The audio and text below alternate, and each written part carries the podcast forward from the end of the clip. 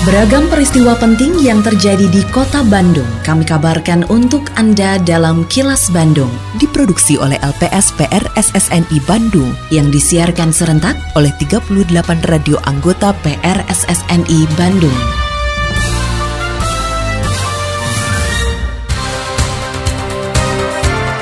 Sejumlah informasi aktual kami hadirkan untuk Anda dan inilah informasi utamanya.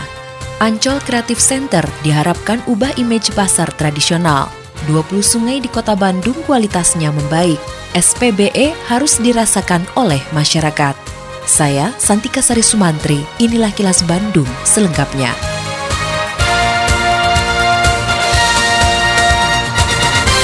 Wali Kota Bandung Yana Mulyana bersyukur Kota Bandung mendapat manfaat fasilitas rumah sakit baru berkelas internasional yang diresmikan Presiden Joko Widodo. Yana mengatakan dengan hadirnya rumah sakit baru tersebut, masyarakat kota Bandung memiliki pilihan tambahan fasilitas kesehatan. Selain itu, Yana juga mendukung harapan Presiden agar kota Bandung bisa menjadi kota health tourism. Apalagi kota Bandung memiliki iklim yang sehat dan daya dukung yang baik untuk masyarakat yang sedang menjalani pengobatan. Kota Bandung saat ini menambah fasilitas kesehatan satu rumah sakit yang mudah-mudahan bisa menjadi tadi harapan Pak Presiden itu Bandung jadi health tourism gitu ya.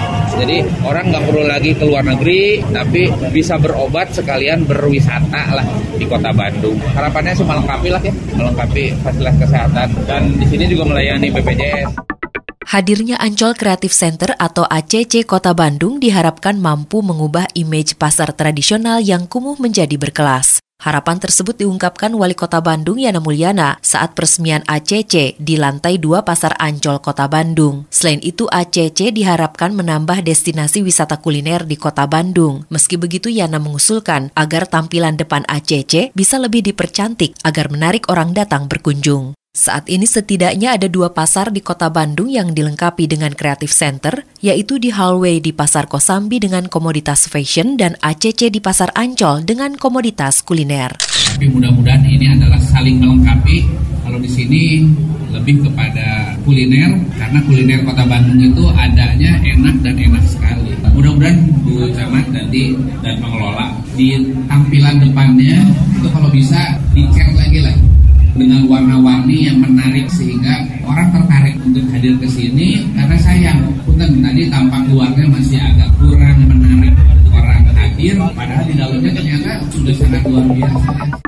Penerapan sistem pemerintah berbasis elektronik atau SPBE harus berdampak dan dirasakan manfaatnya oleh masyarakat. Sekretaris Daerah Kota Bandung Emma Sumarna menegaskan tujuan utama hadirnya layanan dengan menggunakan sistem elektronik adalah untuk perbaikan dan peningkatan layanan. Oleh karena itu bukan hanya mengejar nilai, tapi aplikasinya pada SPBE yang harus ditingkatkan dengan kemudahan layanan. Dari hasil penilaian Kementerian Pendayagunaan Aparatur Negara dan Reformasi Birokrasi atau Kemenpan RB pada tahun 2022, skor SPBE Kota Bandung mencapai 3,61 atau terbilang sangat baik. Tetapi yang harus kita kejar itu adalah SPBE ini hadir dirasakan untuk perbaikan kualitas layanan kepada masyarakat. Rakyat sudah tidak perlu lagi datang ke kantor karena semua sudah bisa akses aplikasi dan di sana otomatis ada respon dalam bentuk produk yang diberikan dalam layanan publik itu sesuai dengan tugas fungsi masing-masing. Apakah itu mau KTP, akte kelahiran, KRK sudah tidak perlu misalnya. Perizinan juga sekarang sudah semua online. Jadi bayangan saya, kalau ini semua layanan publik itu sudah terkunci seperti ini,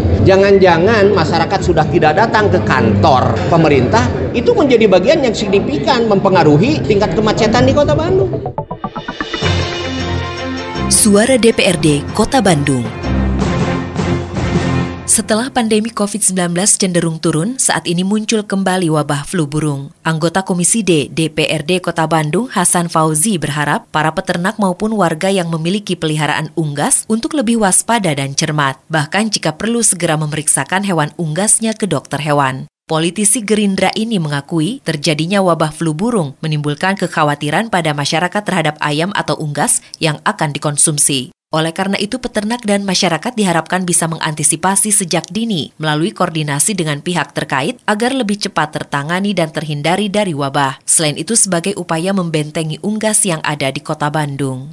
Wabah lama yang muncul lagi baru sekarang, yaitu flu burung. Saya secara pribadi berharap bahwa walaupun belum mewabah ya kan kalau persiapan sejak dini untuk memeriksakan unggas-unggasnya itu baik peternak maupun orang yang memelihara rumahan ke dinas terkait, dinas kesehatan ataupun nanti ke pemerintah kota melaporkan insya Allah kita akan lebih cepat menanggulangi, lebih cepat kita untuk menghindari, lebih cepat untuk membentengi unggas-unggas yang khususnya ada di kota Bandung. Harus lebih sadar, jangan sampai karena asumsi bahwa aduh nanti takutnya unggas saya ini kena terus saya merugi nah, daripada nanti meruginya ke masyarakat lebih baik dari sekarang mencegah mencegah dengan cara apa itu berkoordinasi dengan dinas-dinas kesehatan dengan DKPP ya ke dinas-dinas terkait untuk lebih dini mencegahnya sehingga nanti ada penanggulangan-penanggulan baik dari dinas maupun nanti dari unsur-unsur di kewilayahan.